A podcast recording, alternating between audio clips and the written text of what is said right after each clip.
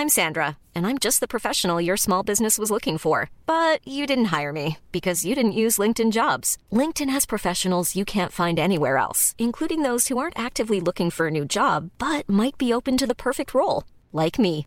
In a given month, over 70% of LinkedIn users don't visit other leading job sites. So if you're not looking on LinkedIn, you'll miss out on great candidates like Sandra. Start hiring professionals like a professional. Post your free job on linkedin.com/people today. Planning for your next trip? Elevate your travel style with Quince. Quince has all the jet-setting essentials you'll want for your next getaway, like European linen, premium luggage options, buttery soft Italian leather bags, and so much more. And is all priced at 50 to 80% less than similar brands. Plus, Quince only works with factories that use safe and ethical manufacturing practices. Pack your bags with high-quality essentials you'll be wearing for vacations to come with Quince. Go to quince.com slash pack for free shipping and 365-day returns.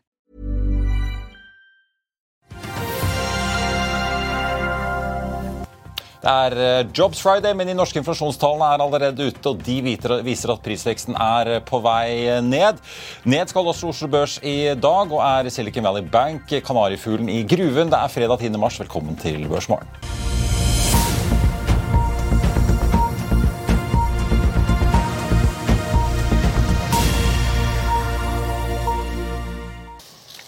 En riktig god morgen alle sammen, og velkommen til Børsmorgen her hos oss i Finansavisen. Mitt navn er Mai Sorensen, og med meg har jeg aksjekommentator Karl Johan Månes. Vi får også straks med oss eh, fondsforvalter Filip eh, Sissener. På Wall Street i går en ganske sur avslutning på dagen. Dow Jones ned nesten 1,7, SMP 500 ned 1,85, og Nasdaq endte ned litt over 2% Og Den dårlige stemningen ser vi har smittet over til de asiatiske markedene nå i natt og i morgentimene. Nikkei Tokyo endte ned 1,7.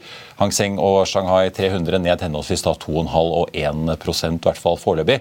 Lite drive på få der i dag. DNB Markets og Nordnett venter begge at vi vil starte på Oslo Børs når handelen er i gang om en tre minutter, rundt da halvannen prosent eh, ned. Hovedveksten falt jo også da 0,8 i går. Det var bl.a. Equinor og Sidril som uh, tynget. Exin, da, eller altså den norske staten, gjennom Eksportfinans solgte jo da en god del Sidril-aksjer. Den aksjen endte ned 6,3% Eksfin har jo da solgt 4,8 eh, millioner aksjer til 410 kroner. Aksjen endte da på 4,17 i eh, går. Eh, og så får vi jo ta med Nei, unnskyld, staten solgte til 410, 8 da under onsdagens sluttkurs, og fikk inn da 2 milliarder kroner for aksjesalget. Oljeprisen tikker også nedover mot 80 dollar, kan det se ut som. 81,20 ligger vi på nå i spotmarkedet på nordsjøoljen ned 0,4% Den amerikanske lettoljen ned 0,7 til 75,20. Og Der har vi også fått et ganske solid fall de siste dagene. av. Det er jo ikke så lenge siden da vi var over 80 dollar fatet så vidt.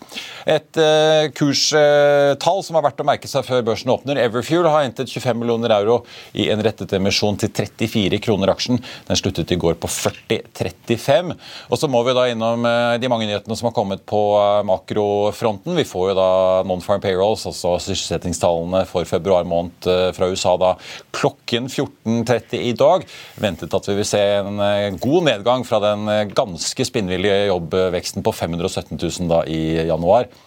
ventet da 188 nå for eh, februar. SSB ute med konjunkturrapport i dag og nye KPI-tall altså for inflasjonen.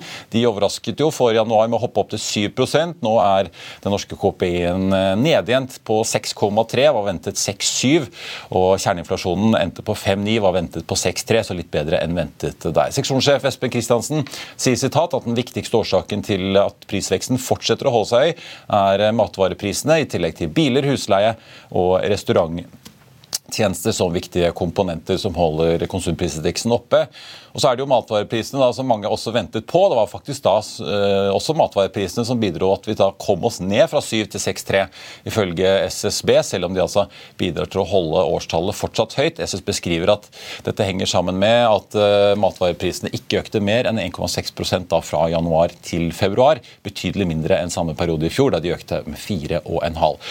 Også verdt å merke seg i konjunkturprognosen som du kan lese mer om på FA.no, at SSB oppjusterer inflasjonsprognosene for i år og 2024 ganske betydelig.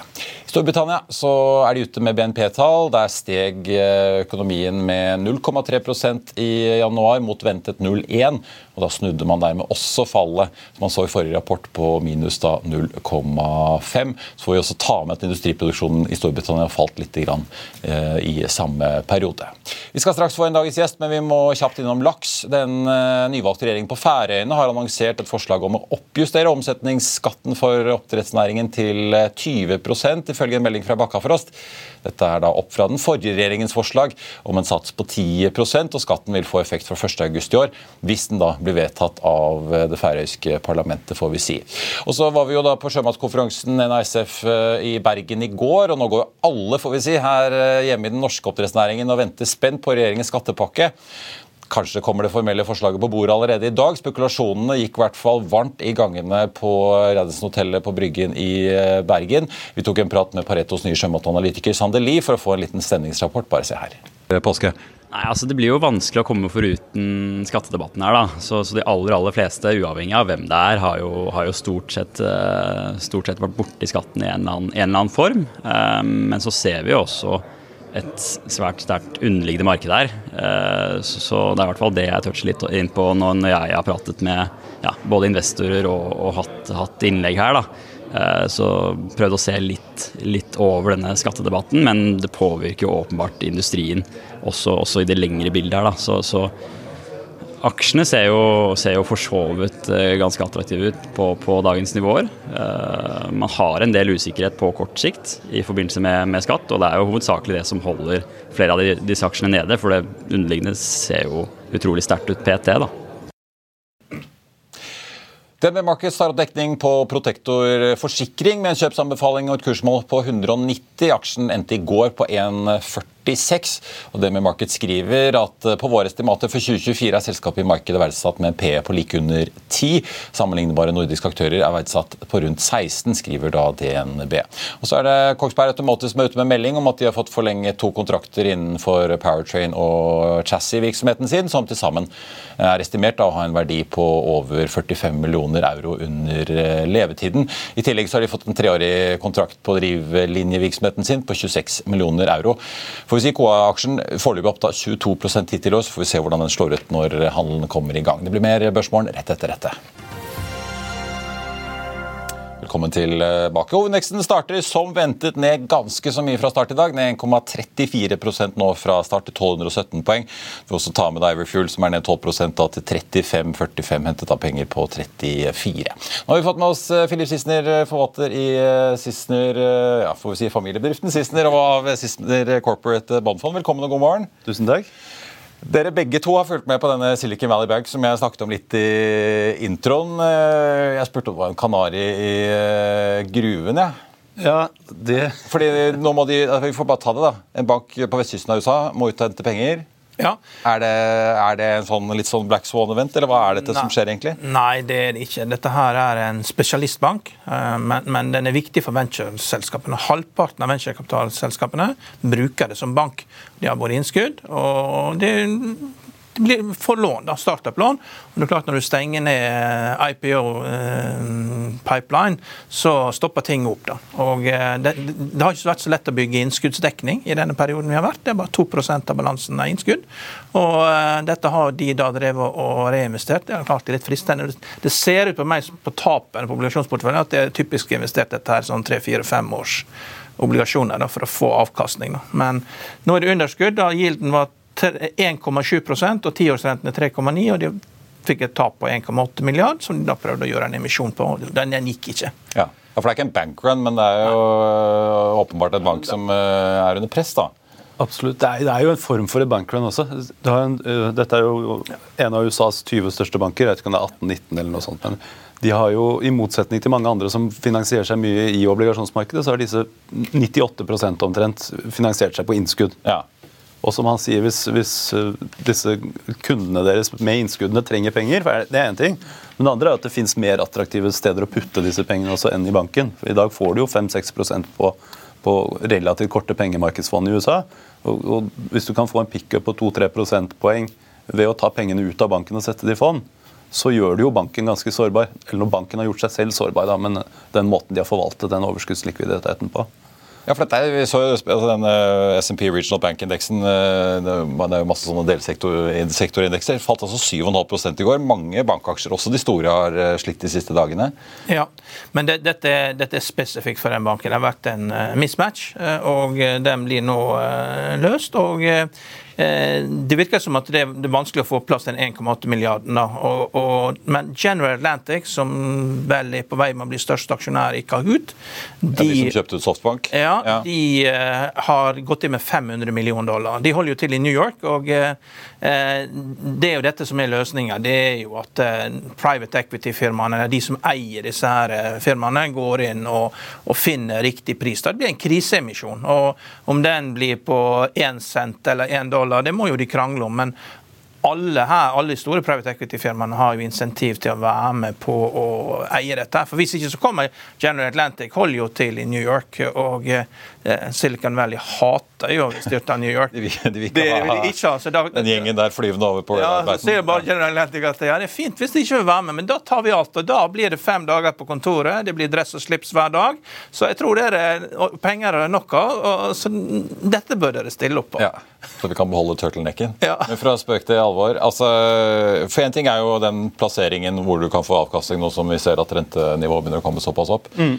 Men øh, jeg hørte på Kramer på CNBC i går kjørte ut tesen om at ok, nå er det masse folk som da ikke får børsnotert selskaper, så da begynner, liksom, de begynner å sitte med masse illikvide investeringer. Da trenger de cash. Ja. Er det en effekt av det at uh, det også, disse WC- og private equity-aktørene nå begynner å liksom Det er så lite bevegelse i balansen deres at uh, Jeg føler at alt kommer tilbake til rentene. Altså, rentene er høyere. Og disse har jo, Ved årsskiftet så hadde Silicon Valley Bank rundt 14 milliarder dollar i cash og 120 i obligasjoner. Stort sett statsobligasjoner. Ja. Og så har ikke de tatt mark to market på det etter hvert som det falt i fjor. Og Det er den effekten du får når de nå trenger cash om å selge de. Det er da du ser tapene komme. Da må de realisere papirtapet? Ja, da må de realisere papirtapet, så De legger en såkalt anleggsportefølje, eller holdt i forfall-portefølje, som er en fiktiv greie. Altså, du, du, later som at verdien ikke faller, derfor så skriver du det ikke ned. Men når du nå blir tvunget til å komme opp med cash, fordi kundene ber om cash, om det er fordi de ikke får gått på børs, eller om fordi de velger å putte cashen sin andre steder, det vet man aldri, men det er kanskje en kombinasjon av begge deler. Uh, og, og det, Poenget er at reader-crossen til de andre bankene er ikke reell. fordi De største amerikanske bankene og de europeiske bankene de tar dag, altså kvartalsvis mark to market på anleggsport eller den type obligasjoner de sitter med. Ja. Så, så, du får ikke en sånn Jeg tror ikke noe på at dette er Kanari-kullminen, eller kullgruven, som vi snakket om. Det er jo en bransjebank. Når halvparten av kundene er her, så må de ordne opp sjøl, altså. Ja, ja. Og, og, når de har tjent så mye penger så Bill, Tim Cook, han Bill, med kassa full av penger, han. Bill Ackman var ute med tweet ja, her må staten stille opp med liksom garantier og sånn. Altså, I Sverige så er jo det, det er en sånn svensk løsning. da, Man får ikke slenge skit på de svenske bankene. ikke sant? Så kommer man med garanti, og så, slik at man da unngår å, å, å tape penger. da. Men men, dette er USA. Her, nå, må de, nå må de finne en, en, løsning Må kapitalismen få lov til å virke. Eh, for hvis de ikke gjør det denne gangen, så, eh, så blir det revolusjon. Altså, for disse folka eh, har vært helt virkelighetsfjerne. Det er klart, når venturekapitalbanken, altså WC-banken, ikke tar mark to market, så har jo de liksom spist Da har de hatt litt for mange lunsjer sammen, disse venture capital-folka, som, som ikke tar noe mark to market, liksom. Men, det er ikke eh, PLM Venture tar vel noe særlig mark to market. Nei, det er bare å lukke øynene. Ja. Ting er fortsatt på 15 ganger EBITDA. At ingen skal realisere noe som helst. at man bare kan sitte. Men det er jo som investor, apropos du som driver et eh, rentefond, ja. det er jo viktig å være klar over forskjellen på nettopp det at hvis du bare sitter der og sitter med Aker BP eller Scatec obligasjoner eller hva det skulle være, helt til det forfaller og får betalt, så spiller jo egentlig ikke verdiendringen underveis noen rolle. Ja, Men et fond som ditt som svinger i verdi, så får du jo en, en, på en, måte en slags indikasjon på hva er det verdt i dag, hvis jeg måtte selge. Ja. Og så er det ikke alltid at du får tilbake pengene. ikke sant? Jo, men akkurat på disse statsobligasjonene der borte får du tilbake pengene, mest sannsynlig. Ja. Det er jo ikke noe diskusjon. Men der er det jo, ikke sant? Når de blir tvunget til å selge i dag, så, så er jo nåverdien av de veldig mye lavere enn det de har bokført dem til. Trouble in paradise. Og så må vi også si det at det, det finnes fem-seks veldig store banker i USA, og de er veldig strengt regulert. Og selv om at dette er en av de 20 største, så er market capen nå bare ned på se- det er 6 milliarder dollar. Det er ikke noen stor bank, og det er San Francisco, det er West Ja, det er en filial hos JP Morgan. Ja, det er ingenting, liksom. Så, og, og dette må de klare å ordne opp i. Altså, og i Texas er det ingen problemer. De syns jo bare at dette her er Oi, har de problemer der oppe? Sant? Det er jo greit. At, at, De har altså, sett flyttelassene komme ja, fra California resten av lasset. What else is new? Liksom At det er problemer i California. Det er jo eh, Men vi har jo så Credit Suisse måtte utsette Det er jo ikke bare amerikanske banker, det er noen andre som har litt trøbbel. Og nå måtte de utsette årsrapporten sin, eh, for SEC var på dem og for et eller annet. Jeg lurer på hva det er. Det er to ting. De holder på å selge en sånn spesialfinansieringsselskap, og så holder de på å skal gjenstarte eh, First Boston, meglerforetaket. Men det er jo helt dødfødt for et europeisk bank å begynne med megling i USA. Så det er Allerede for ti år siden så all global megling var ledet av amerikanske investeringsbanker. Det har blitt en fullstendig amerikansk idrett. Så,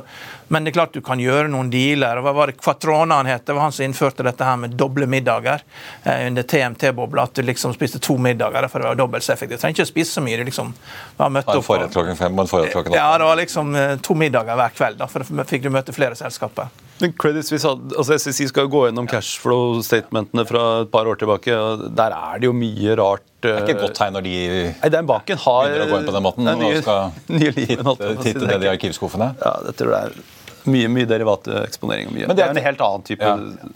Men det at vi har sett at en del av de store bankaksjene også har falt en god del i det siste, er det Hvordan leser du det egentlig? Nei, Vi tror jo fortsatt på bank, egentlig. Mm. Altså, de, de nordiske er en ting. Der har du veldig mye eiendomseksponering. og Der er det jo litt sånn som venture capital, at man sitter og lukker øynene og skriver ned litt grann hvert kvartal, i stedet for å bare reali altså, innse at gilden på eiendom ikke er 3% lenger, den er sannsynligvis 5-6. vet ikke. De transaksjonene som er gjort, har jeg liksom tviket litt på for å se ut at de selger til bokført, med selgekreditter og den type ting. Men det vi hører nå, at kjøperne er på 6 ikke sant? Og det er fortsatt bokført til var 4 og sånt. Det er ganske drastisk prisfall der også. Um, Og vi så, altså, vi så Balder dessverre ble tatt ned her, eh, eller altså, løftet opp til high eller hvordan du skal betale, men i hvert fall de mistet investment grade her fra Moody's her om dagen. ja. Ja. Og det er jo, det er jo symptomatisk, da. Det er jo sånn, det, det, det går, noen ønsker å gjøre det sakte, men sikkert, mens resten av markedet går jo ganske raskt. Men de, de europeiske bankene er jo fortsatt altså, bank, Bankverden generelt har jo brukt de siste 15 årene på å banke ut alt mulig dritt de hadde på balansen, til obligasjonsmarkedet. Det er jo vi fullt uh, klar over. Vi sitter jo og ser på alle disse dealene og sier nei til 95 pluss. Det er veldig mye rart som har blitt dyttet ut av balansene til bankene og over eh, i obligasjonsmarkedet over på andre investorer. Så bankenes balanse, altså Bøkene er ganske sunne. Balansen er jo bedre enn de har vært noen gang, i hvert fall i Europa. Og spesielt i Norge, kanskje. Og så har du jo rentenettoen som gjør at de skal tjene penger. Så om, om aksjene har falt litt, ja, kanskje i frykt for høyere tap og, og resesjonsfrykt, men de aller fleste bankene er ganske robuste og har bra bøker. Ja. Slik viser det. Ja, for hva skal vi snakke litt om eh, Nå har vi fått inflasjonstallene fra Norge. Vi får eh, jobbtallene fra USA i ettermiddag. Eh, veldig mange går rundt og tenker at nå skal Norges Bank opp fra 2,75 til 3,75 i hvert fall. Kanskje opp på 4. Ja, du er jo fortsatt på en 3-4 negativ realrente. Ja. Du har en inflasjon på hva kom det inn i dag? Par, mellom 6 og 7. Eh, og det er opp fra Husk at vi allerede i fjor hadde jo da hatt 6-7 inflasjon, så du får jo rentes renteeffekt på den inflasjonen nå. Når den for andre året på rad stiger såpass mye. Og så har vi fortsatt renter på 3, altså markedsrenten er 3-3 eller noe som har vært der i et par måneder. Det er jo for lavt. Og I tillegg så ligger de og øh, Norges Bank og selger kronen hver eneste dag. og Det er jo en del av policyen deres som kanskje en modell som fungerte før. Men det er bidrar jo til å svekke kronen. Og fordi vi importerer alt vi kjøper her i landet, så blir det jo høyere inflasjon når kronen blir svakere. Så får du en sånn ond sirkel på det her. Men Det er jo spekulasjonen nå da, om Norges Bank. Altså Kronen blir så svak, og da får du enda mer inflasjon pga. at vi importerer blir da desto dyrere. Ja, men eh, Så at de må, de må skru enda mer til. sentralbanksjefen har vel sagt at hun er klar over problemet. Ja, det jeg, det- Jeg tror også hun er klar over utfordringen. Spørsmålet er vel bare hva hun gjør. Vi er klar over problemet. Vi skal drodle og, og brøfte og holde på i to år før det skjer noe. Men vi får se. Jeg tror Norges Bank hun er, eh, hun er nok vesentlig mer handlekraftig enn mange andre. Så. Vi får håpe at de, de, Formålet til Norges Bank det står jo på nettsiden der, og det er jo å bidra til finansiell stabilitet. Nå husker jeg ikke ordrett hva det er, men Eh, den, sånn som den valutaen oppfører seg nå, er jo det er, ikke, det er jo ikke forutsigbart for noen. De har rammevilkår som er forutsigbare, og de har en valuta som er forutsigbar hvis du ønsker å tiltrekke deg kapital fra utlandet. Ja. Og det er jo noe man norsk industri var ute og sa at den siste krona Ja, var veldig svak. Og det er jo det er bra for eksportrettet eksport. industri, liksom. Ja. Til en viss grad, for da folk tør ikke å ta bettet på at ok, men skal kronen stå i eh, 11 mot euroen eller 9? Ikke sant? Helt avhengig av innfallsmetoden til noen eh, folk som sitter og eh, Jeg vet ikke. Det er, det er vanskelig for uh, Norge å ha en såpass volatil krone, men det er klart du må bekjempe uh, beste er å få litt sterkere krone. Det er den letteste måten å kjempe inflasjon på uten å sette opp renten din til det uendelige. Men hva må vi se i ettermiddag eh, fra BLS hos det amerikanske statsapparatet, Labour Statistics Bureau, av tall da? Nå jeg tiåringen borte i USA på tre, nesten 83. Men de hoppet jo veldig her tidligere og har jo steget mye. Vi er jo var jo i hvert fall på nivået vi som så i november. Bikket over 4 Toåringen var jo gått opp på femtallet. Du var jo på Twitter og sa nå ser vi en terminalrente på seks snart. ikke sant? At det er det egentlig markedet Vi forventer. Det er jo der nå i USA, i hvert fall. Men hva, er liksom, hva må vi se? Må vi se at liksom lønnsveksten roer seg? at... Uh... Det er arbeidsledighet først og fremst, tror jeg de ser Ja. etter og håper på. Det er jo ironisk nok at det går for bra i verden, som gjør at verden får problemer. Eh, Men, men eh, eh, ja, det er, det er jo egentlig det. Du må, du må håpe på arbeidsledighet, at, at ting skal roe seg litt. Og så er det jo vært et gjeldsfinansiert fest, i hvert fall kall det i Nor- Norden, da, med at man hele tiden kunnet låne opp på boligen og føle seg rikere for hver dag som går, uten å kanskje ha skapt så veldig mye verdier. Eh, og da. Men det, er jo ikke noe skremmende sånn, sånn som rentekurven er i dag, mellom 3 og 4% de neste ti årene, både i Norge og Europa. Det er jo et veldig sunt sted å være. Det er jo ikke høye renter på noen som helst måte. Nei. Eh, Molnes fortalte jo på veien her, Da han satt som trader på 90-tallet, så var det jo Nibor på, altså risikofri rente på 13% En styringsrente rundt der også, ikke sant? Det Prøv Det er høyt. Ja. Prøvde å sjekke marginene, hvilke påslag det var på marginene på de beste lånene. og det var, Vi må ha litt eh, informasjon på, eh, på foran vi går inn her, vet du. Ja. Men hvis, ja. snittet har vært 3, hvis snittet skal være 3-4% i en sunn økonomi, da, og så har vi ligget på null Ikke vi, men store deler av verden, vestlig verden har ligget på null litt for lenge, så er det ikke helt fjernt at du skal ligge på 5-6% i noen år. da. Nei. Ja. Men det, det, men det er jo klart at det, vi ser jo at det, eh, renten får eh, effekt her. Altså, vi har jo på forsiden av avisen her, ikke sant? renteboom eh, knuser husleien. ikke sant? Ja, ja. Det er jo, det er jo Det er mye spekulasjon om Tollefsen. Ja, er- Han er en av de store aktørene. Ja, Kanskje den største. Ja, og det er, det er, det er mismatch her. ikke sant? Og ting tar jo tid da, før erkjennelsen kommer. Og det gjelder jo da å prøve å skyve problemet foran seg så mye som mulig for alle. Eh, For til slutt så kommer renta ned, og da gjelder det å unngå å vært, å- å gjort drast, for drastiske ting. da. Det, Ja. er- det er jo sånn. Men hvis renten bare dundrer videre oppover, vi får en krigsøkonomi, så eh, blir det mye tap her, altså. Vi må snakke litt om selskapene som er ute og henter penger i markedet. og obligasjonsmarkedet etterpå, Men bare før vi går til reklame. Eh, tror du som JP Morgan-sjefen Jamie Diamond at eh, Fed ender på liksom 6 At eh, Når du har hørt nå hva, de, hva Jerome Powell snakker om i høringene, og så den reaksjonen som kom i markedet på at oh, kanskje det blir eh, 0,5-økninger igjen, ikke 0,25 og, Ja, og litt den prisingen du ser. Hva, er det liksom, hva er det du forbereder deg på? Vi forbereder oss på høyere renter. Det er kanskje bedre. Vi vil ikke spekulere på at det kommer til å skje, men vi forbereder, forbereder oss på det. Så Ja. vi ligger jo fortsatt i rente, eller liker ikke å kalle det rentefond. I obligasjonsfondet så ligger vi med forholdsvis kort rentebinding. Og i aksjefondet så ligger vi forholdsvis forsiktig posisjonert, fordi man ser for seg at det er en risiko absolutt for at rentene ikke har piket ennå. Ja. Eller at rentemarkedet ikke har piket ennå. Rentene skal videre opp uansett, men det priser jo markedet inn også.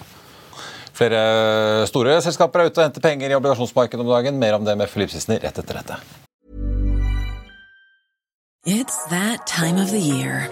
Your vacation is coming up. You can already hear the beach waves, feel the warm breeze, relax, and think about work. You really, really want it all to work out while you're away. Monday.com gives you and the team that peace of mind. When all work is on one platform and everyone's in sync, things just flow wherever you are. Tap the banner to go to Monday.com.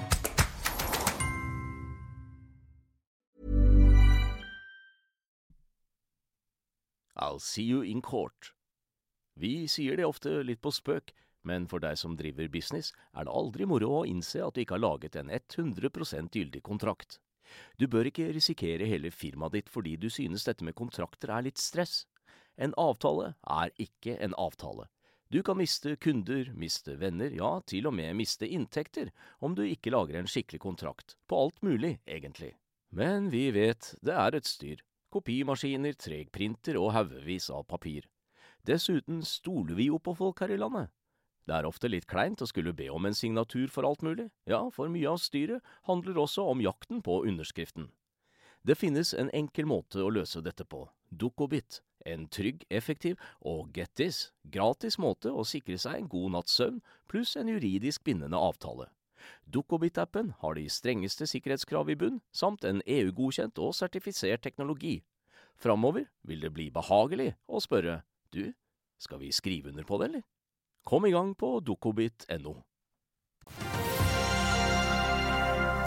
Velkommen tilbake. Du, Filip, eh, jeg så i siste månedsrapporten deres så skrev dere at eh, med unntak av Vantage Drilling, var navnet jeg lette etter, så har dere ikke deltatt i noen av de nye lånene som har kommet ut i markedet i det siste. Fortsatt sånn, eller? Det stemmer. Ja, vi var, fortsatt, vi var faktisk med på Volvo Cars også. Ja, ok, ja. Det er jo litt kjedeligere, da. Investert i holdt jeg på å si, svenskenes nye elbiler. Ja. ja. Tre år på ja, 175 punkter er liksom ikke det du blir veldig rik av, men det er en fin sånn plassering i mellomtiden. Mens alt annet blir satt på det vi syns er for, for billig. Da, Ja, for det skulle si, for. Nå har vi plutselig sett veldig mange aksjeemisjoner den siste tiden. Vi har liksom Nell og Archer og Nordic Mining. og Det har plutselig kommet en god del, altså med litt selvfølgelig varierende rabatt, men likevel det har kommet mange. Mange har blitt satt. Eh, og så ser vi jo i hvert fall i lånemarkedet så er PGS ute og har investormøter, Vår Energi er ute og har investormøter. Er det like mye trøkk på lånesiden? Ja, det, jo, det får litt mindre oppmerksomhet i mediene, for folk syns det er morsommere med aksjer stort sett. Men, men eh, det er veldig mye trykk i obligasjonsmarkedet, eh, og spesielt da siste Kall det etter vinterferien. Da. Det er jo sånn absurd at markedet stenger litt i vinterferien. For først er det norsk vinterferie, Ja. eller østlandsk vinterferie. da. Og så kommer Bergen uken etter, og Bergen og Sverige, eller Stockholm er samtidig som Bergen. Men etter at den var er ferdig, da var det bare masse, masse lån som kom til markedet samtidig. Alt fra Flotel til PGS, som du nevnte. ja. Ja. Mye offshore og mye annet. Mye rart sånn prosjektrisiko som ikke vi nesten ser på engang i det hele tatt. Men da, for PGS har vært ganske åpne på det. I, I fjor høst så satt de stille, for da mente de ikke at markedet var åpent. Nå åpenbart gjør de jo det, siden de er ute med investormøter og har sagt de ønsker å refinansiere Ja. lånet som forfaller neste år en eller annen gang i løpet av året. Så når plutselig meldingen kom, så må de, de jo se noe. Eh, er det liksom Men du sier at det er fortsatt eh, for lav, det blir for lite rente? Nei, nei, nei vi får, akkurat PGS er jo ikke snakk om hvor høy renten blir, for den kommer til å bli 12-13 Ja. Men det er mer snakk om å orker man den risikoen. Eh, Og, og tilbake til det med markedet er åpent og stengt. Markedet er egentlig alltid åpent. Det er bare snakk om hvilken effektiv rente man ønsker å betale. Og for PGS så har de jo hatt problemer med disse termlånene, som er solgt og omsatt liksom på 20% avkastning og sånn i annonsemarkedet. Eh, Men nå har de jo, med litt flaks, eller kanskje, kanskje ikke flaks, men de har jo fått markedet tilbake. Aksjen har vel seksdoblet seg fra bunnen, eller noe sånt, og det har vært mulig å hente egenkapital hver gang de har hatt avdrag på disse eh, lånene sine. Og nå ser de jo for seg å refinansiere dette lånet med et ganske stort obligasjonslån. Det er 450 millioner dollar de skal hente. Og når du betaler 12-13% på et sånt obligasjonslån, så binder det deg til 60, i hvert fall mellom 50 og 60 dollar i året. Um, bare 50 millioner dollar i Du skal året. tjene litt penger. Du, du skal tjene litt penger. Ja. Og når du vet hvor volatil og sårbar den businessen er, og du må sannsynligvis investere i noen nye streamere, og det er jo ikke vedlikeholdsfritt. Dette her ruster og blir brukt opp. Så vi er for så vidt positive, mer positive til den i forhold til mye annet som har kommet. For der får du i hvert fall betalt, sannsynligvis betalt for den risikoen du tar. Det er jo det det hele tiden står på for oss. Men jeg, Føler vi at liksom 12-13% er bra nok. Og heldigvis her er det en børsnotert aksje som man kunne shortet imot dersom det begynte å gå gærent. også. Ja, men virker det som at- Det der. virker som at dette var en plan de begynte med når renten var null, og så har de bare holdt til planen. og så Etter hvert som renten har gått opp, så har det blitt en dårligere og dårligere plan. At de heller skulle hatt en miks av aksjer og konvertible obligasjoner, men så har det gått for langt til at de klarer å endre kurs. Jeg tror ikke de har hatt så mye plan, for å være helt ærlig. Det er jo det selskapet som har hentet mest penger nesten på Oslo Børs de siste 20 årene. Og premien til den tidligere lederen var jo at han ble styreleder i Statoil, eller Equinor. Eh, litt ironisk, egentlig. Eh, De har jo vært veldig flinke til å destruere aksjonærverdier. Og, og eh, det er jo jeg vil si at fortsatt så er kapitalstrukturen helt feil. Det er en veldig skjev balanse. Som gir selvfølgelig masse oppside for aksjonærene. Ja, for det er jo, du får giringeffekt. Du får jo giringeffekten. Når du går opp eller ned, da. Ja. Jeg hadde en, en eh, kompis innan som er eh, som er også glad i den type selskaper. Så det er, faen, det er mye gjeld der, da. Ja, ja, det er bra, det. Det Da blir noen vil jo ha Ja, masse ja. gjeld. Da, da, da blir jo aksjen sånn at den kan gå seksgangeren. Men den kan jo også falle 100% Det er jo det som er utfordringen der. Altså, Vi skrev jo en kommentar emisjonsselskapet, og, og liksom, det var helt til snakk om når kommer neste emisjon. Og så har vi jo hatt analytikere som sier nei, nå skal vi, det skal ikke flere emisjoner. Så Det virker som at det er rådgiver som har sagt nå må vi stoppe dette. her. Men det er jo ikke vits i det hvis renten blir så høy at du kan like gjerne hente egenkapital. For Det er jo egenkapitalavkastning, men Ja. den er jo cappet på 12% og så har du til gjengjeld litt lavere nedside, Der, for du kan i en eller annen form for restrukturering sitte, sitte igjen med hele selskapet. Kontrasten fra TGS er jo Vi hadde jo TGS-sjefen her, Kristian Johnsen Johansen tidligere uken på besøk før han eh, fløy tilbake til Houston. De, var jo, de skriver jo det rett ut i materialet sitt på kapitalmarkedsdagen at uh, tilgangen på gjeld altså Det begynner å bli dyrt, og det er ikke så mange som er villige til å låne til sektoren lenger. De har jo en veldig lett balanse. De er jo ikke skip heller, da, men altså bevisst liksom lite lån, så å si ingenting. Ja, Eh, og slipper jo da den effekten. Men det er jo hvis ting snur og markedet ikke er så bra, og du er allerede da i en posisjon hvor det er vanskelig å få hjelp fordi at folk er ikke så glad i sektoren lenger, så blir det jo fort krevende. Ja, ja. Og Men det er klart, er det, det, er det den linjen man, aksjonærene og styret ønsker å legge seg på, så er jo det helt fair. Men man, man er jo klar over den risikoen man tar. Det er jo smarte mennesker som sitter her nå. Ja. Vi må jo snakke litt om obligasjonslån til eiendom også. når vi først er her. Er det, har du noen synspunkt på hva som skjer der, og vil skje fremover?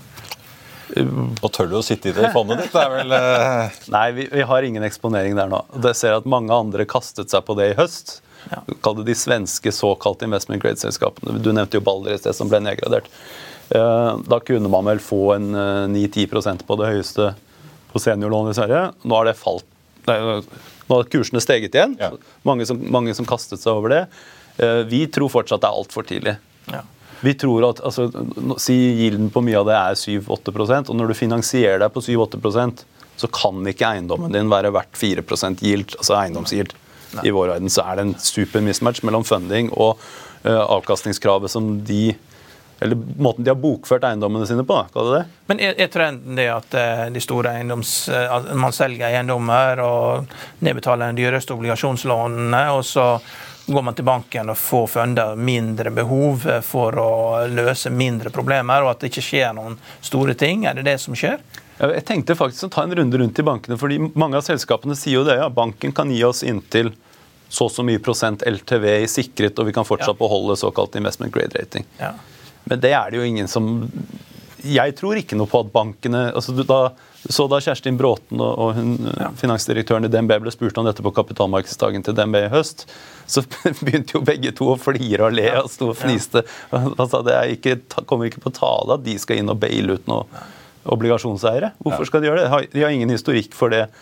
Se på Sidre, litt- de tok over eierskap. De i stedet, ikke, altså, offshore, altså, de, de går heller inn og tar over enn å drive og låne ut mer penger til Det heter jo 'gå til din aktiva før du går til banken'. ikke sant? Og her er jo Det det er jo masse som har lyst til å kjøpe eiendom, så det er mye enklere å komme ut av dette her enn å komme ut av en eh, borerigg som ingen vil ha.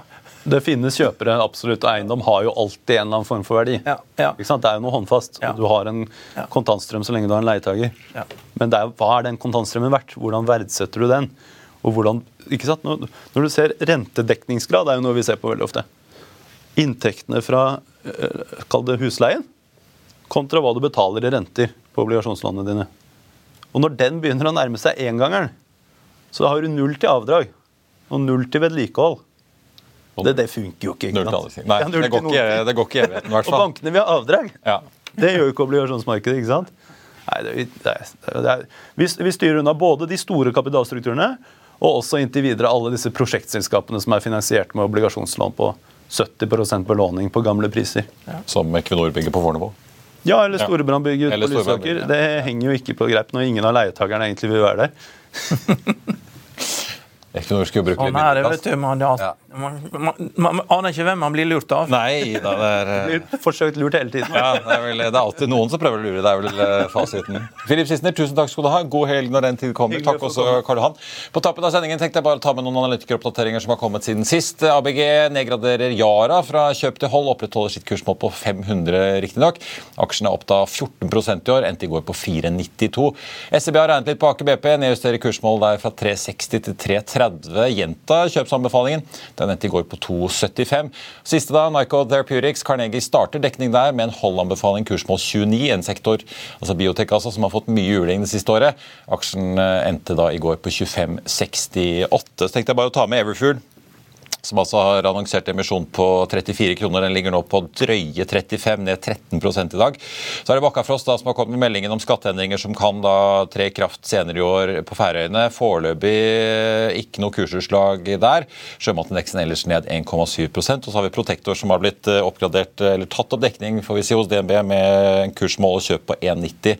Den ligger nå på 1,52, opp snaue 4% på en hovedindeks som fortsatt er ned ganske mye fra start i dag på den siste børsdagen i uken, ned 1,3% nå til 12,1786. Det var børsmålen på denne fredagen. Det er Økonominyhetene klokken 13.30 i dag. Da kommer Nodeas eh, seniorstrateg Dane Sekov. Så for å gi oss mer innsikt i inflasjonstallene og hva vi kan vente oss fra Norges Bank, vi skal også høre mer fra sjømatkonferansen i Bergen, inkludert eh, noen som driver med oppdrett på land i Kina, og en skikkelig comeback-kid også, får vi si. Siste nytt får du på FA1 og gjennom hele dagen. Ha en riktig god helg alle sammen, og så ses vi igjen på mandag.